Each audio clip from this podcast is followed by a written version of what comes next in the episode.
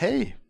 Du lyssnar just nu på det första riktiga avsnittet av Att leva vidare, en podd om jobbiga situationer i livet. Jag har ju haft ett avsnitt ute i lite över ett år snart, men det var liksom mer som en förhandstitt. Ett bonusavsnitt eller lite reklam eller vad man nu ska kalla det. Nu blir det mer på riktigt. Eh, och idag träffar vi min vän Lillemor som pratar om hur det var att leva genom ett missfall. Tankar, bemötanden, hur livet inte blev som det var tänkt. Jag tänker att vi låter henne berätta själv. Nu kör vi! Tja! Tja. För att så kan inte börja. Jo, det kan man väl. Nu ska vi prata jätteallvarliga saker. Då får man börja med att tja. Tja! Vem pratar? Vem sitter i min soffa förutom mig just nu? Men det gör jag. Och jag heter Lillemor. Och jag är din kompis. Ja, ja, vi känner varandra sedan några år tillbaka. ja, Vi har spelat band ihop. det har vi. Vi har eh, jobbat under samma tak men inte på samma företag. Exakt. Precis. Ja. Eh, ja, tack för idag. Hej då. Nej.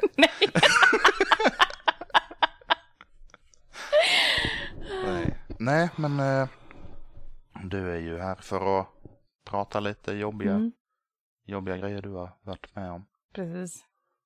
Du och din eh, partner har varit med om. Ja, precis. Vi ska prata om eh, när vi förlorade vårt barn eh, i ett missfall 2018. Det är, det är ett tag sedan.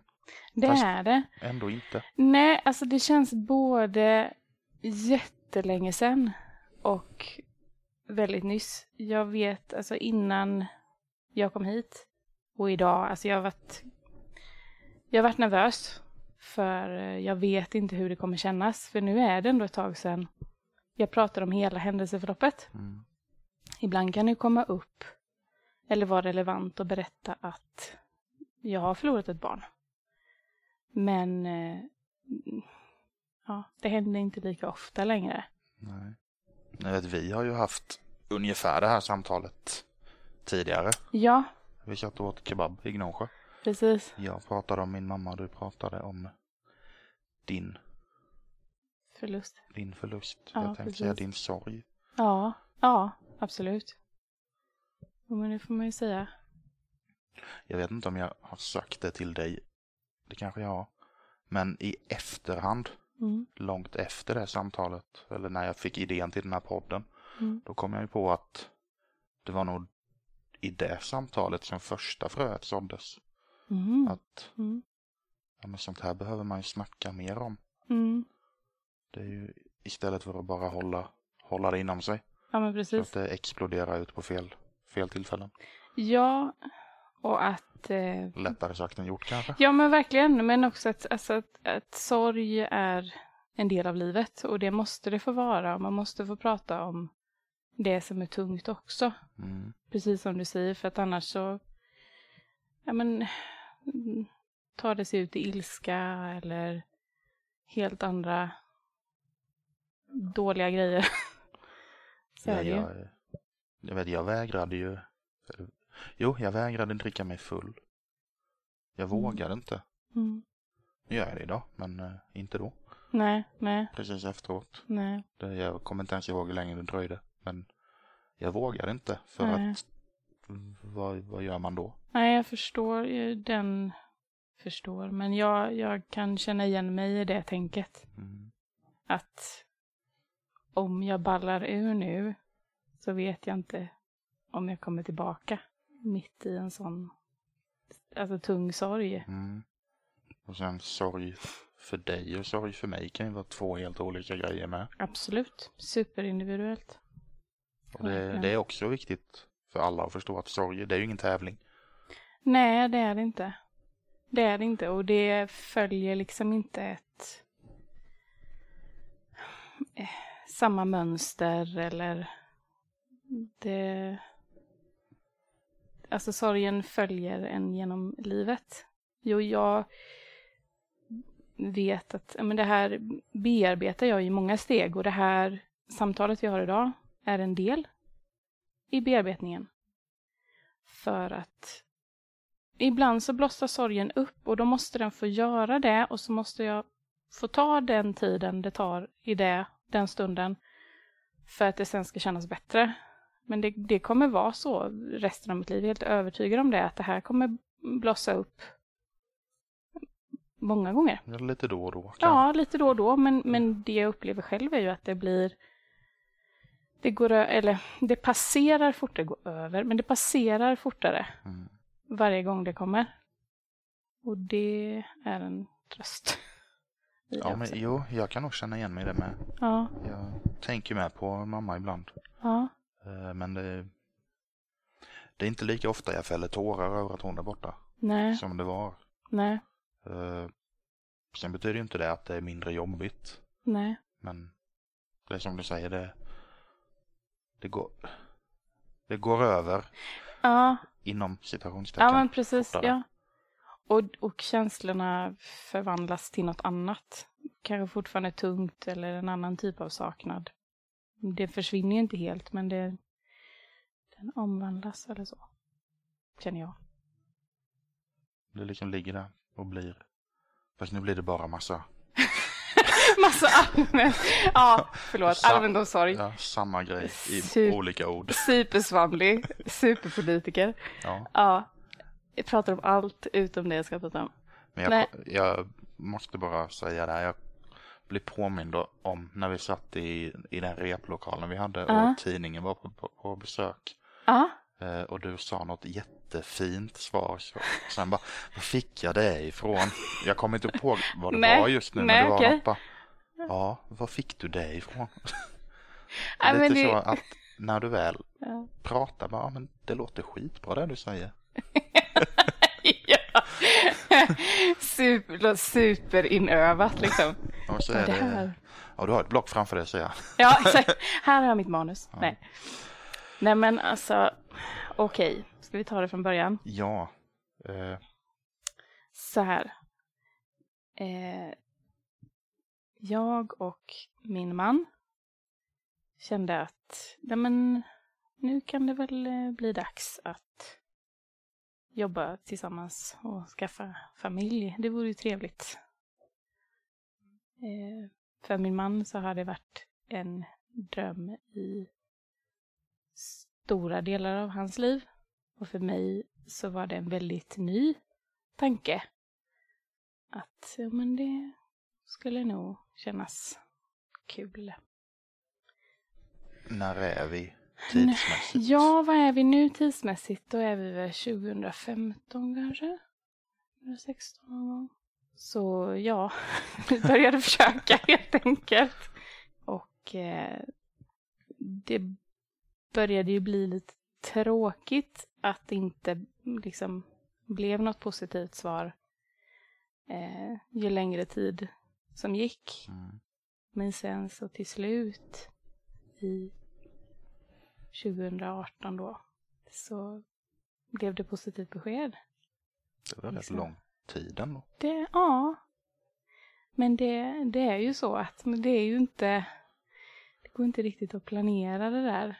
Men det var, det var tungt eh, redan innan i det här att jaha, nej, inget nu heller och inget nu heller. Så det var ju väldigt spännande att, åh herregud, nu är jag gravid. Nu ska vi bli en familj.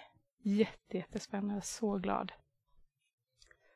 Ehm, Men det är ju en helt ny värld. Ja men verkligen en helt ny framtid som breder ut sig och, och helt nya rädslor också.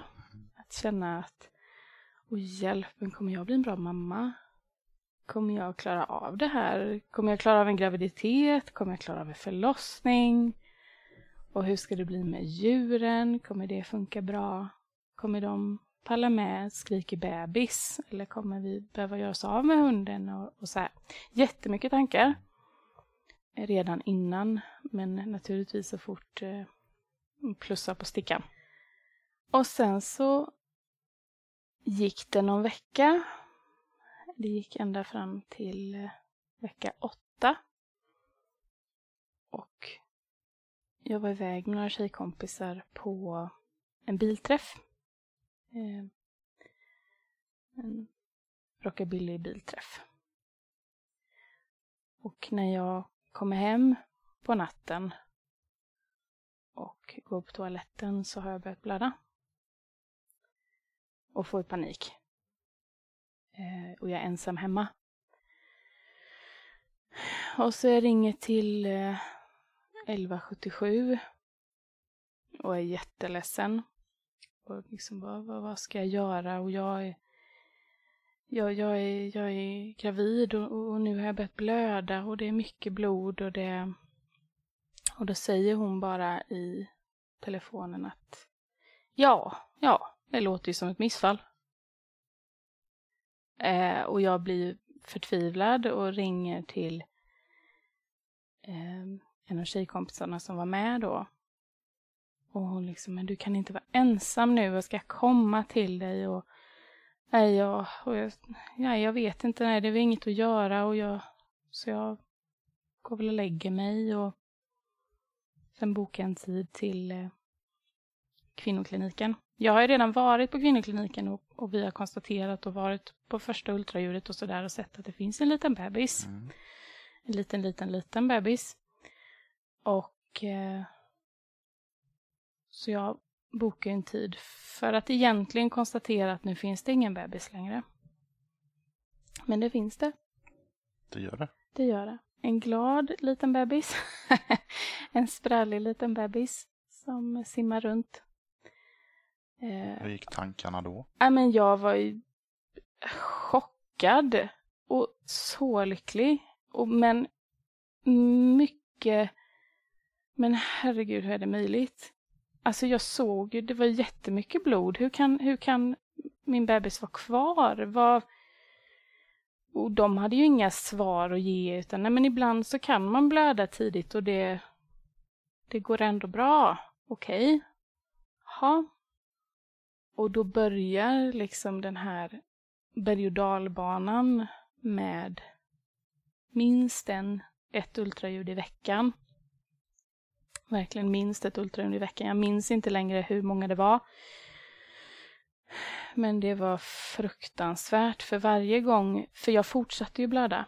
Vissa dagar var det lite och andra dagar var det mycket. Eh, jag hoppas du inte är jättekänslig nu, för nu kommer jag att prata mycket blod. Då hade jag inte haft en sån här podd, Nej, det är bra. det är bra. Eh, en dag när jag vaknade och gick på toaletten och tog av mig byxorna så forsade det blod. Eh, jag, när jag kom in sen till kvinnokliniken så beskrev jag det som att det var som en full syltburk. För det var så mycket blod. Och det sjuka var ju att jag la mig ner på badrumsgolvet och började gräva för att se, ligger mitt barn här? I blodet? I blodet. För det var ju koagler liksom, så att jag tänkte, det här kan vara mitt barn. Är mitt barn här? Är mitt barn här? Eller är mitt barn kvar i mig? Bara liksom. Men jag kom in till kvinnokliniken och mitt barn var fortfarande kvar. Så det var återigen från mellan hopp och förtvivlan. Liksom att okej, okay, nej men jaha, men hur, vad, vad, liksom, vad ska jag göra? Hur ska jag få det att sluta blöda? Jag kan inte, jag, kan, jag klarar inte det här mer. Det här går inte. Var kommer det ifrån liksom? Nej men precis, och de, då, det kunde de ju inte se. Alltså de kunde ju tänka sig att det var ah, något sår eller att det var, nej, alltså de, de hade inget bra svar egentligen på varför det blödde så mycket. De sa att ja, men moderkakan när den växer och flyttar på sig så kan den, när den lossnar lite i kanten och då så kan man blöda. Jaha, okej, okay, men det här har jag aldrig hört talas om och vad ska jag göra åt det? Eh, men de hade ju inga svar, men liksom, de var väldigt vänliga och sa att du är välkommen när du vill och vi kan göra en undersökning varje dag om det får dig att känna dig trygg.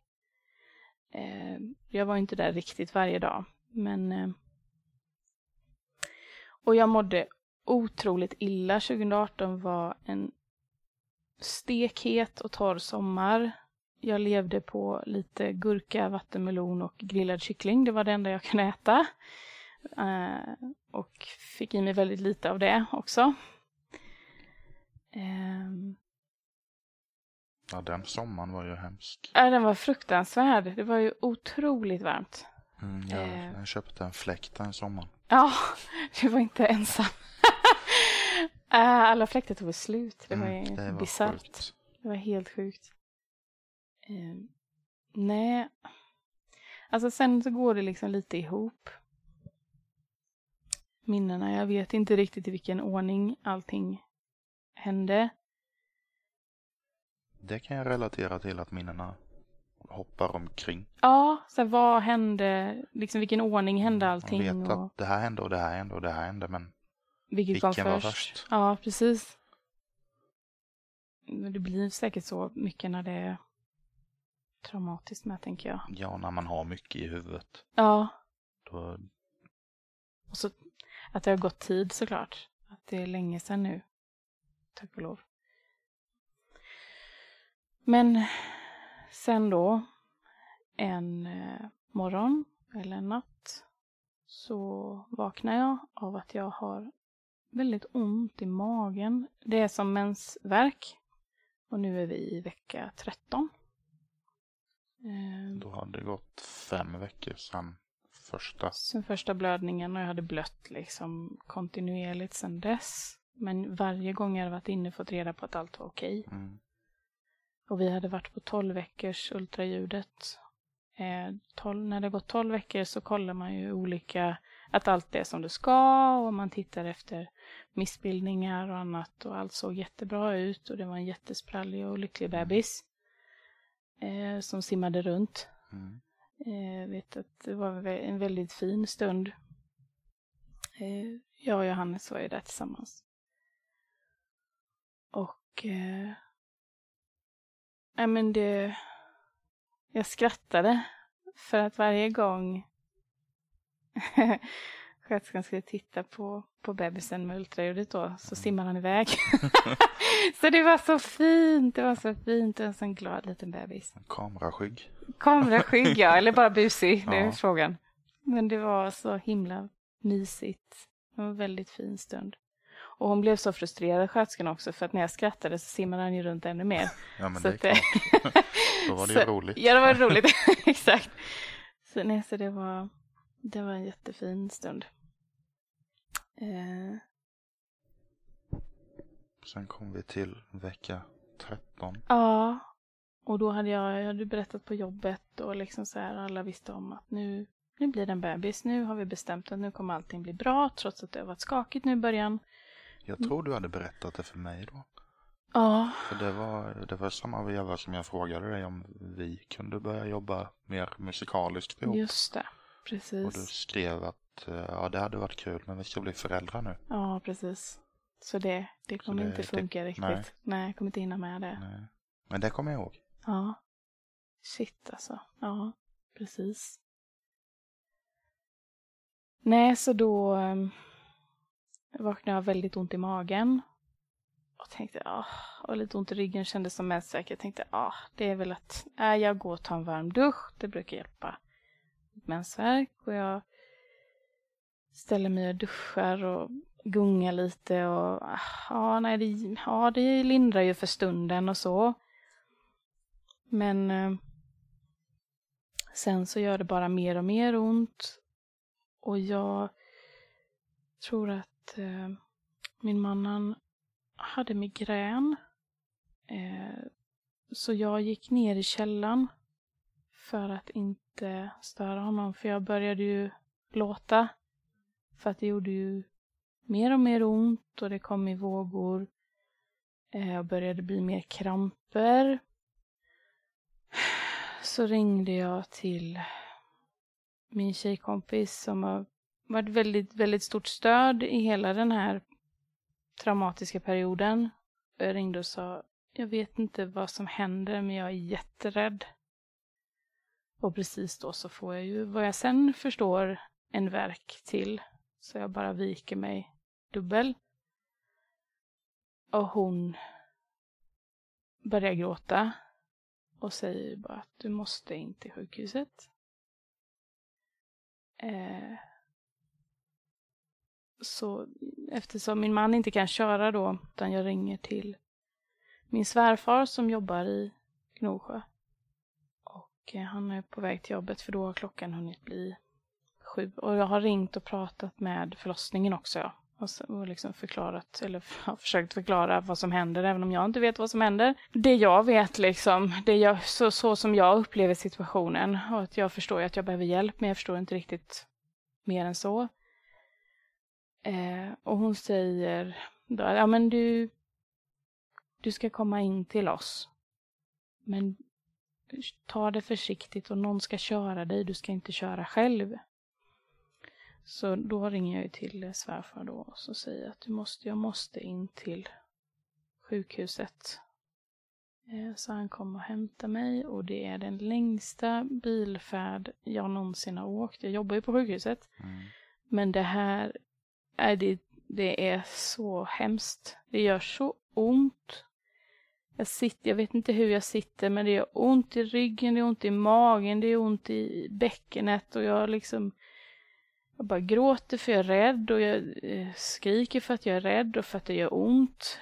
Ehm, men jag vet inte vad det är som händer. Eller ja, det är, det är, jag tror att det är en försvarsmekanism för hjärnan liksom att nu ska vi igenom det här, du behöver inte veta vad som händer utan nu bara ta det igenom Nu tar vi bara oss igenom detta.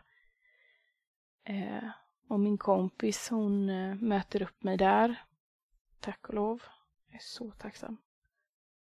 Eh, hon ser ju hur ont jag har. Eh, och att jag kan ju inte gå.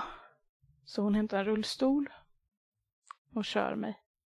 Och jag vet att jag tänker också när jag åker in att jag är orolig att jag ska träffa någon kollega. För um, mina kollegor jobbar i samma trappuppgång eller vad man ska säga, i samma hiss. Eh, men om de fanns där, det vet jag inte, för sen gjorde det så ont så att jag bara försvann. Och eh, kom upp där till förlossningen och får komma in på ett rum och jag bara fortsätter fråga vad är det som händer, varför gör det så ont, vad är det som händer, jag är rädd. Sköterskan försöker lugna mig och liksom trösta mig och så. Så kommer läkaren in och det är en läkare som jag har träffat innan. Är det en kollega? Nej, det, det, är inte på samma klinik, så tack och lov så är det ingen kollega till mig Nej. som kommer in i rummet. Eh, men det är en hemsk människa som kommer in i rummet. Eh, han är otroligt taktlös. Eh, en, har en riktigt taskig kvinnosyn, jobbar inte kvar på den kliniken, blev av med jobbet efter detta. Eh, tack och lov. För alla andra kvinnor i den här stan. Eh, så han kommer fram till mig, jag sitter rädd och låter och är förmodligen jättestörig enligt honom. Så han säger, nu får du sluta gråta. Vad är det? Berätta, berätta för mig vad det är. Eh, och jag försöker förklara att jag, att jag är gravid och att jag, eh, i vilken vecka jag är och att jag blöder i flera veckor. Så, aha, när hade du din senaste mens? Och jag liksom, eh, men herregud, så jag, jag är liksom snart i vecka 14. Du kan se allt i min journal. Liksom så bara, jag, jag har inte det datumet i huvudet nu när jag sitter här i fruktansvärda smärtor, men kan du kolla det i min journal? Ja, ja, ja, avfärdar han det liksom att det är skitsamma då. Du vill inte samarbeta. Och så, ja, nej, då får du sätta dig i stolen här så ska vi undersöka dig. Eh, så får sköterskan och min kompis hålla mig under armarna och hjälpa mig att klä av mig, för det klarar inte jag själv och jag är ju helt blodig på benen och håller på att säcka ihop. Men de får upp mig i gynstolen. Eh, och så gör han ett ultraljud. Och så pekar han på skärmen. Titta! Allt är bra. Eh, och jag ser ju mitt barn. Jag ser mitt barn. Glad, sprallig. Är där i magen. Och jag är förtvivlad. Jag säger, jag ser, men vad är det som, vad är, varför gör det så ont? Vad är det som händer? Varför, om, om allt är okej, varför gör det så ont? Varför blöder jag? Vad är det som händer? Och, och han svarar inte. Han tar av sina handskar, slänger dem i soptunnan och så reser han sig för att gå ut ur rummet. och min kompis stoppar honom och säger Men snälla, varför har hon så ont om inget är fel? Då lägger han sin hand på hennes axel och så säger han Du, din kompis, hon är bara lite klen. Sen går han ut i rummet. På riktigt? Ja. Hur fick han ens jobbet? Nej, det är en jättebra fråga. Eh, och i efterhand, jag är så tacksam för att min kompis var med. För att jag tänkte, har jag på något vis i mitt traumatiska tillstånd hittat på det här? Men det var liksom, det var ju både hon var vittne och sköterskan. Hon blev så Ja, hon... generad så att hon kunde inte ens titta på mig. Efter det liksom. det och- låter helt jävla sjukt. Ja, det är helt jävla sjukt. Jag gjorde en anmälan och allt det här är anmält i efterhand. Eh, Och han blev ju som sagt av med jobbet. Men det är helt rätt. Ja, det är helt rätt. Usch, människa. Men eh, han eh, ordinerade morfin, så jag fick en morfininjektion och började kräkas. För jag tålde inte det. Eh, så jag kräktes och kräktes och fortsatte kräkas även när magen var tom. Och den var ju i stort sett tom från början. Och jag var helt uttorkad. Hade inte ätit i princip någonting. Så att jag, jag bara kräktes. Och sen så torrkräktes jag. Det kommer ingenting utan man bara hulkar. Eh, fruktansvärt. Sen så kom verksamhetschefen och en sköterska, nej, en, annan, en till gynekolog var det som kom. Och så, så tittade hon på mig och så sa hon Du ska, för han ville ju skicka hem mig. Läkaren sa du, du, får en, du får morfin och sen får du åka hem. Liksom. Det var inget mer med det. Eh, men då kom hon för det var jourbyte.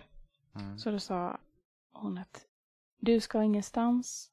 Du är här. Vi tar hand om dig. Eh, nu ska vi göra en undersökning till och titta hur det ser ut. Så fick jag hjälp upp i stolen igen. Det är helt andra tongångar kan jag säga.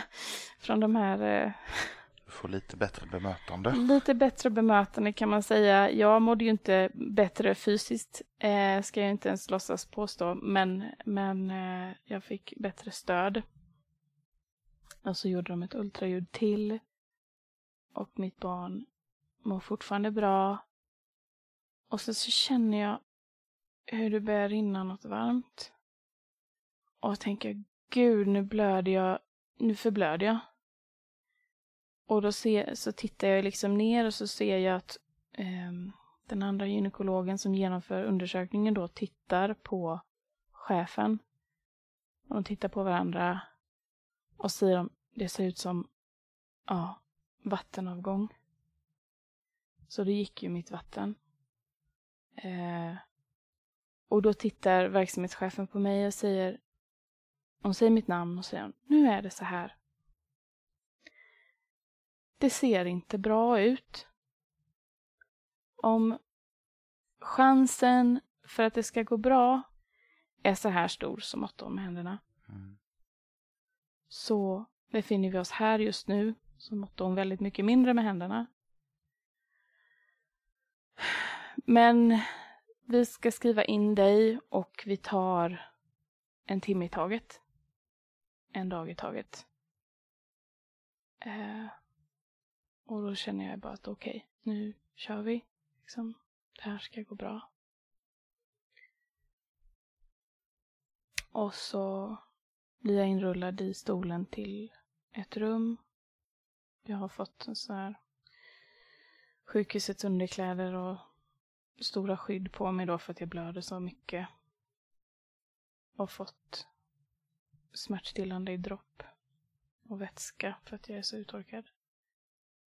Och sen när jag ligger där, jag har fortfarande fruktansvärt ont, så känner jag hur det kommer en jättevärk. Och så känner jag hur mitt barn kommer ut. Och jag får panik och säger till min kompis bara hjälp mig, hjälp mig, hjälp mig, hjälp mig, hjälp mig. Eh, och hon hjälper mig att larma på sköterskan och det kommer en sköterska. Jag säger snälla hjälp mig, nu kom allt, nu kom allt, hjälp mig. Och hon eh, leder mig in till badrummet. Och eh, jag säger, jag vill inte titta. Och eh, sköterskan säger, du behöver inte titta. Du kan hålla i det här tills sådana här eh, handtag eller sånt räcker. Så hjälper jag dig. Så hon hjälper mig att ta av mig och ta hand om mitt barn.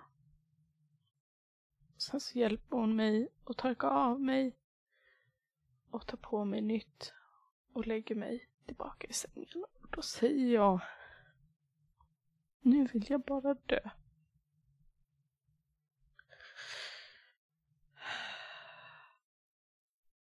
Oh. Usch, det är länge sedan. Det är inget man går och pratar om hela tiden. Nej. Nej. Men det ligger väl där i tankarna? Jo, men det gör det. På något vis. Men ändå inte. Och det är skönt. Det kanske inte är de just mest traumatiska delarna man minns bäst Nej. på vardaglig basis. Nej, utan det som hänger mest eh, i vardagen det är ju alltså tankar kring hur det hade kunnat vara. Hur hade det blivit? Hur hade jag blivit som mamma? Och hur hade mitt barn mått? Men det passerade ju tid och ja, så jag var sjukskriven och allt så. Men mitt barn skickades ju för obduktion. För det gör man.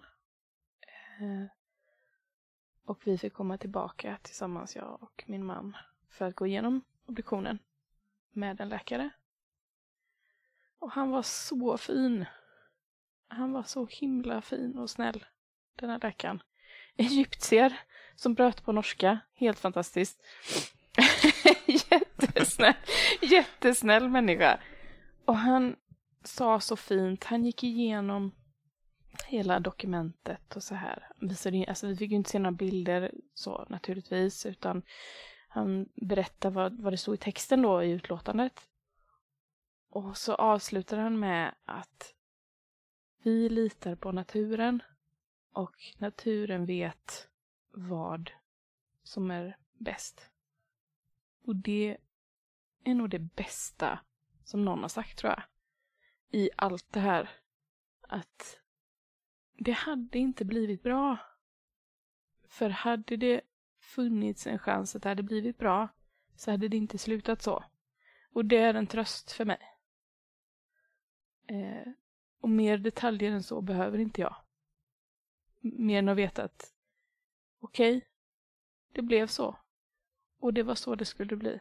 Behöver liksom inte gå in mer detaljerat på att det var det här och det här och det här. Nej, för att oavsett så spelar det ingen roll. Det gör ingen, för det gör ingen skillnad. Och det känns fint. Och jag bråkade med en präst. så att eh, jag blev arg på en präst. Ogudaktiga jag. Varför blir man arg på en präst? Men för att prästen var dum i huvudet. Nej men för Nej men prästen, det var för att jag ringde och bad om att vår son, så det var en pojke, vi fick se honom också, det glömde jag säga, vi fick se honom när de hade tvättat av honom och lagt honom i en fin liten ask. Jättefin. Hur liten var han? Nu ska vi se här.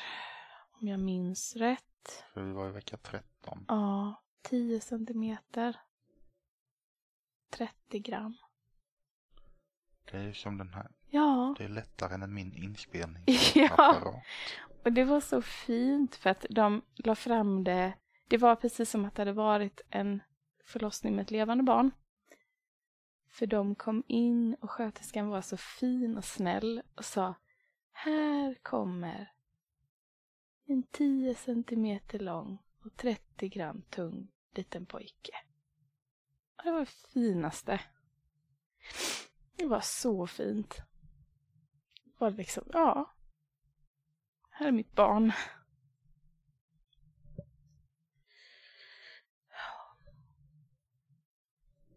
Ja, du bråkade med prästen. ja. Typiskt mig. Alltid vara rebell. Nej. Eh, det var för att jag ville att eh, vår son skulle få vara med vid eh, minnesgudstjänsten i Svenska kyrkan. Jag tycker det är en väldigt fin högtid. Jag ska inte påstå att jag är en flitig kyrkobesökare, men eh, Det är ju fina traditioner. Ja men det är det. Och det är maffigt liksom och alla som har gått bort får ett ljus. Där. Eh, så då ringde jag och bad om det. Och eh, fick svaret att ja men jag rekommenderar att ni kommer dagen innan istället för då är det en ceremoni för alla ofödda barn. Och då sa jag men mitt barn föddes ju. Så det känns fel för mig. Eh, jag vill... Riktigt sån här jobbig Karen. jag vill att, mi- att mitt barn ska få ett ljus. Det är viktigt för mig. Det är jätteviktigt. Jo, men det är ju för alla människor som har levt ett liv. Jo, men mitt barn levde sitt liv i mig. Och föddes och dog. Och det är ett liv. Så till slut fick ju präststackaren ge sig. Eh, för jag var jätteledsen och ganska utåtagerande. Du körde över prästen. Jag körde över prästen. Det är så jag jobbar. Det är inte alla som kan säga det. Nej, alltså rätt badass ändå. Men också mitt, mitt ett, i ett trauma så att det var verkligen bara, jag skiter fullständigt i vad som händer. Det här är det jag behöver nu Mm. och då ska jag ha det. Resten det- tar vi sen. Resten, ja, exakt. Nej men och vi gjorde en fin grej där vi, för mig var det jätteviktigt, för mig var det en liksom så här hållpunkt att då ska vi, vi ska ha detta, vi ska bjuda in vår närmaste familj och jag vill bjuda på middag.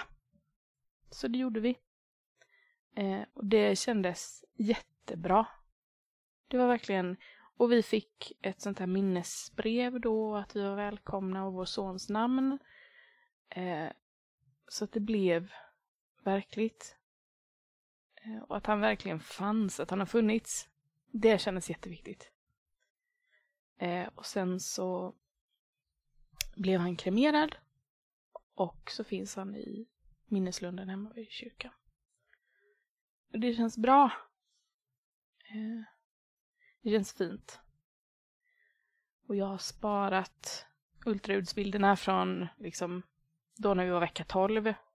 När det var den glada bebisen. Det var han som simmade iväg. Och Ja, precis. Det blev några bilder ändå, även om jag försökte simma iväg. Eh, så de har jag kvar. Och minnesbrevet och ljuset. Så finns det. När jag behöver det. minns Liksom. man ändå det, det fina Ja, precis. i, i det jobbiga. Precis.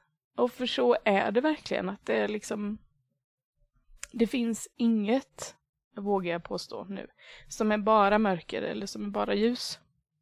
Utan, eh, men det är ett jobb att hitta ljuset där. Det är väl hela den här, nu låter jag klok, men hela den här yin- och yang grejen. Ja, verkligen. det är det svarta, det är det vita och sen blandas det. Verkligen, verkligen. Det är någon sorts balans någonstans. Ja, men du får inget ljus utan mörker och tvärtom. Så att just, eh, hela den här upplevelsen, eller vad ska man säga, hela den här händelsen har gett mig många nya rädslor, men också mycket nytt mod. Jag vet du snackade något om, eh, du kanske inte vill ta det och då klipper vi bort det. Mm, ja. Men eh, du snackade något om att det var jobbigt att komma tillbaka till jobbet ja, efter sjukskrivningen. ja, men det var det. Det var jobbigt att komma tillbaka. Men för att Hur länge var du sjukskriven? Alltså, f- Var det? första vändan var jag sjukskriven alldeles för kort tid. Eh, jag tror jag var borta en månad. Jag var borta en månad efter mamma dog, men det är lite annat. Men Det- det är sorg. också, Det det, är ja men det är sorg, ja, men, och det som sagt det går inte att Nej. jämföra och det är så olika vad man behöver. För någon så är det viktigt att jag måste komma tillbaka för jag måste prata med mina kollegor, jag måste bearbeta Mm. det tillsammans, jag behöver det för att må bättre. Eh, för andra är det, jag måste ligga under ett täcke i ett år innan jag kommer tillbaka. Eller, alltså det är Det är som, som du sa i början, det, sorg är olika Ja, från men person till person. Verkligen om man bearbetar det på tusen olika sätt. Mm. Men alltså, eller egentligen, jag kanske inte var hemma för kort tid. Jag var hemma två veckor heltid och sen så jobbade jag deltid i två veckor innan jag var tillbaka på heltid igen. Och du jobbade på det sjukhuset. På sjukhuset, en samma våning där jag hade gått på alla undersökningarna. Mm.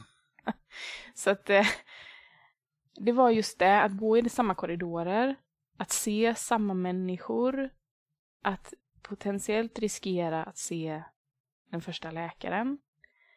Eh, och allt det där, vi liksom går där med PTSD. Jag tror, så här i efterhand kan jag ändå tänka att men det, var nog, det var nog bra. Men det var otroligt jobbigt. Och efter några veckor så blev jag ju, så brakade jag bara igenom isen totalt. Och blev ju sjukskriven i ett par månader. Tror jag det var. Minns inte exakt. Jag tror det var ett par månader. Ja, Jag har ingen aning. Nej, vet du inte det?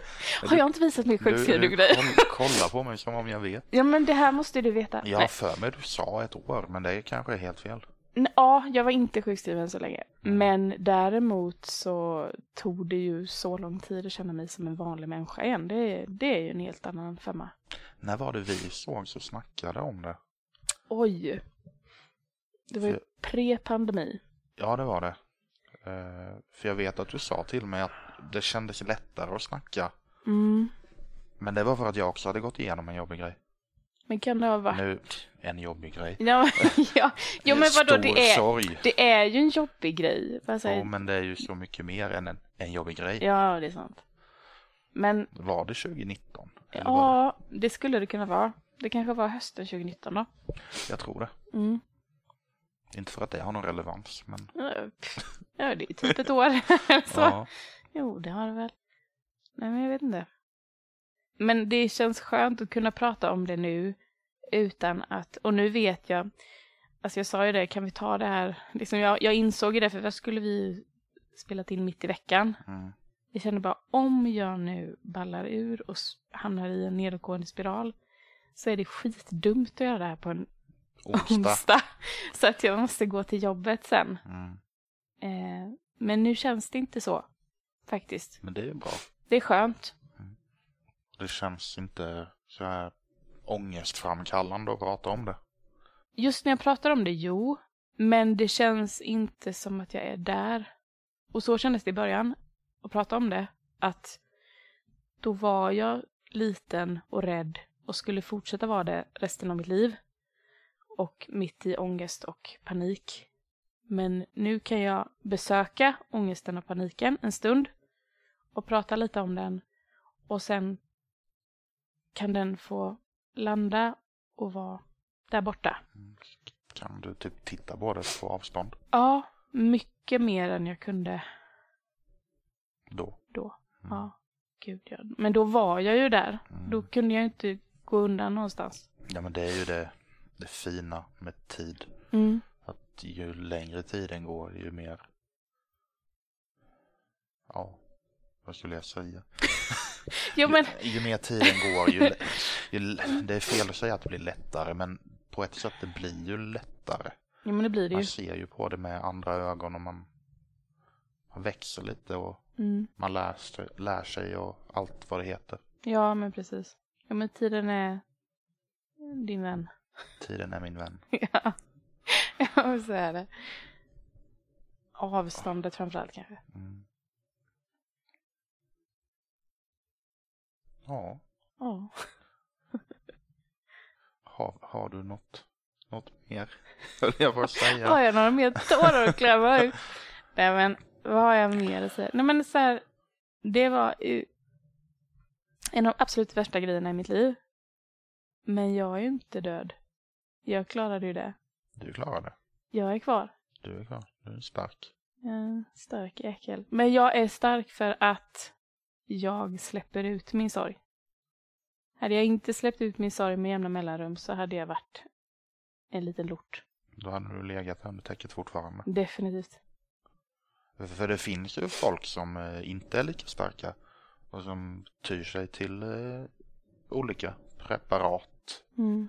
eller flytande godsaker höll jag på att säga.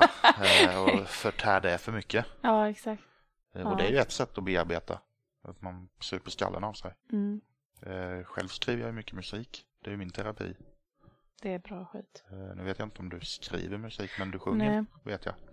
Jag sjunger och spelar, det är jättebra terapi. Kramar mycket mina husdjur. Och min gube. Och din gube. Ja, han får mycket kram den stackaren. Jag tror han tål det. Ja, det är sant. Så stark är jag inte. Jag har ju pratat med honom på jobbet och han, han går ju till jobbet så inte gått av på mitten. Nej. Nej, det är bra. Mm. Ja. Nej. Nej. Men eh, känner du att det är någonting du inte har sagt? Eller är vi färdiga eller har vi mer? Jag tjötar så mycket. Ja men det är gött med långa poddavsnitt. ja, exakt. Nej, men ja. Nej så länge har vi inte varit. Nej. 48 minuter, är ingenting. Du är grym.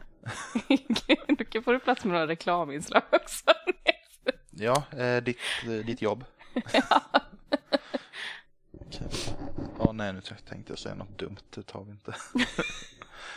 jag tänkte säga det innan att ja, men det är ju som den här eh, fängelserutan i Monopol. Kommer man dit. Om man bara slår tärning och kommer dit kan man ju Ja. vara på besök. Ja, just det. Alltså. När du besökte ångesten. Ja! ja, ja. Alltså det är, ju, det är en kul liknelse på ett fruktansvärt trauma. Ja, det är dumt att skratta.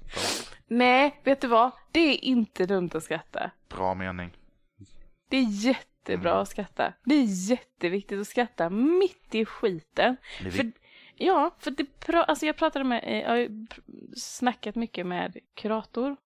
Eh, inte direkt i början, men senare.